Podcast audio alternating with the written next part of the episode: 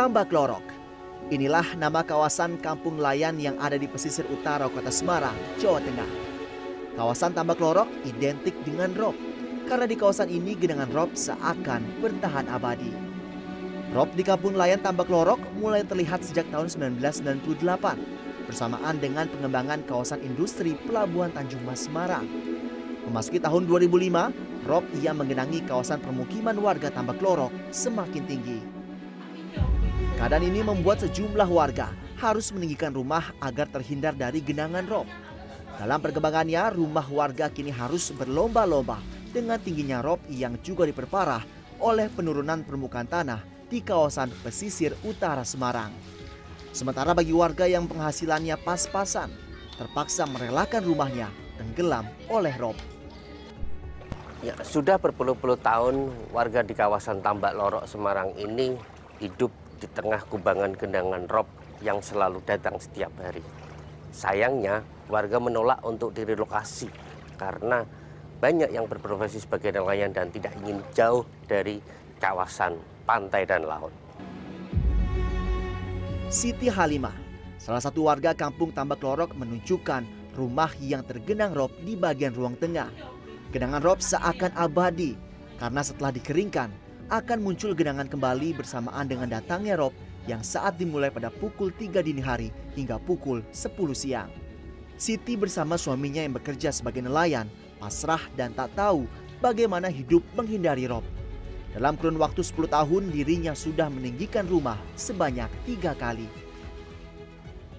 Ini sudah tiga, tiga kali naiki.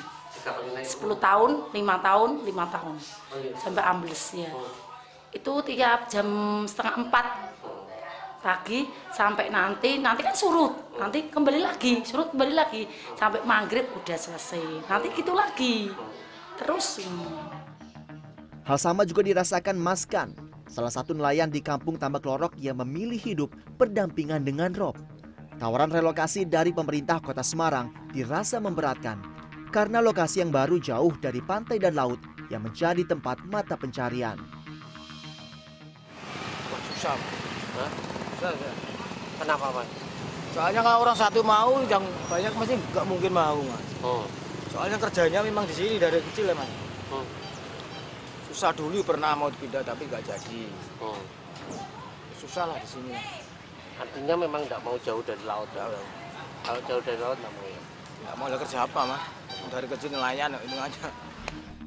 Di sisi lain, Rob justru mendatangkan rezeki dan penghasilan. Selamat Suroso salah satunya. Puluhan tahun ia menjadi penjual minyak tanah. Namun karena fenomena rob membuatnya beralih menjadi penjual LPG keliling. Setiap hari, Selamat Suroso masuk rumah warga menerjang Rob mengantarkan pesanan LPG. Sejak Rob makin meninggi, Selamat Suroso bisa menjual LPG ukuran 3 kg sebanyak 120 tabung dengan cara keliling mengendarai becak motor. 100 dua. Puluh tabung kebanyakan mereka kendalanya apa? Oh, kendalanya tuh kadang-kadang ya kadang apa? Jalannya banjir semua jadi nggak bisa jalan. Kirimnya satu baku lah. Kadang ada lima ada empat. Ya ada yang tiga. Jadi saya pengantar pak Kondisi geografis dan topografis kota Semarang memang tidak bisa lepas dari kerawanan masuknya air laut pasang ke darat atau rob. Terlebih jenis tanah di kawasan pesisir utara Semarang tergolong aluvial lunak sehingga mudah amblas. Guru Besar Departemen Perencanaan Wilayah dan Kota Universitas Diponegoro Semarang, Profesor Wiwandari Handayani menilai, rob di pesisir utara Semarang makin parah karena penurunan tanah mencapai 10 hingga 20 cm per tahun. Salah satu penyebabnya akibat penggunaan air tanah yang tak terkendali. Sementara relokasi warga terdampak rob perlu waktu yang tidak singkat.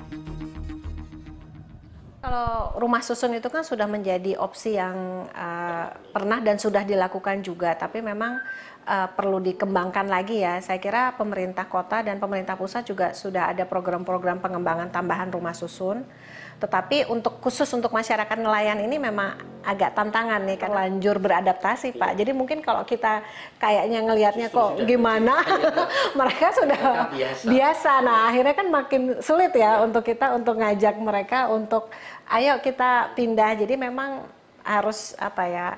Ya kita memahami ekologi sosialnya.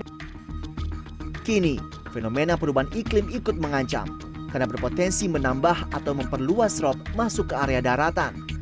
Sayangnya tak banyak warga maupun pemerintah yang berpikir panjang untuk menangani bencana rob. Pembangunan tanggul laut hingga peninggian jalan hanyalah solusi sementara mengatasi rob. Damar Sinuko, Semarang, Jawa Tengah.